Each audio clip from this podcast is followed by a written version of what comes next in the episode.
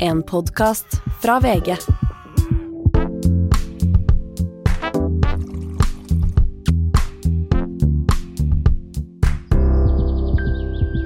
Jeg heter Steinar Sagen. Og jeg heter Katrin Sagen. Og nå skal vi lage podkast hvor vi skal blande på en måte yrkene våre.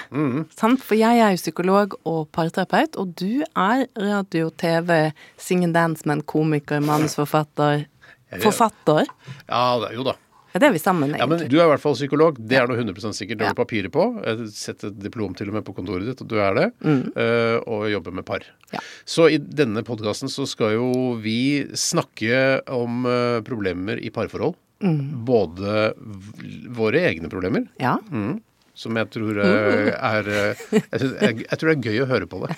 For å være helt ærlig. Altså, jeg tror det blir interessant å høre på. Men jeg kan faktisk melde at jeg tror at eh, man må tåle at det blir litt følelser. For det kommer til Jeg kommer i hvert fall til å ta opp ekte ting. Ja, jeg også gjør det. Bra. Mm, så det, det har jeg veldig tro på. Det, jeg, nå får jeg liksom fantasi om at um, vi går jo innimellom i parterapi, Mm. du og jeg, og liker det veldig godt. Men kanskje dette er vår nye parterapi? Det er det jeg lurer på, skjønner du. At Herregud, du kan til å spare masse penger. Ja, for det er grisedyrt å gå i parterapi. Ja, men det er veldig fint. da. Ja.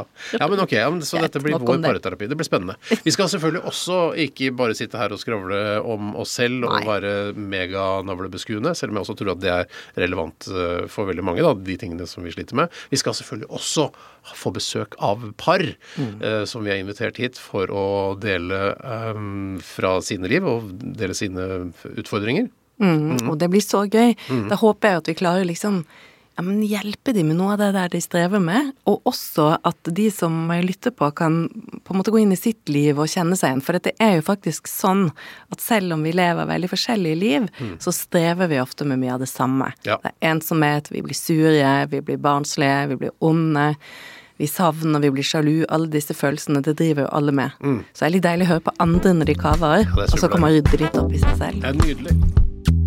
Hør den helt nye podkasten Katrin og Steinar redder forholdet. Tilgjengelig i Podme-appen fra fredag 1. april.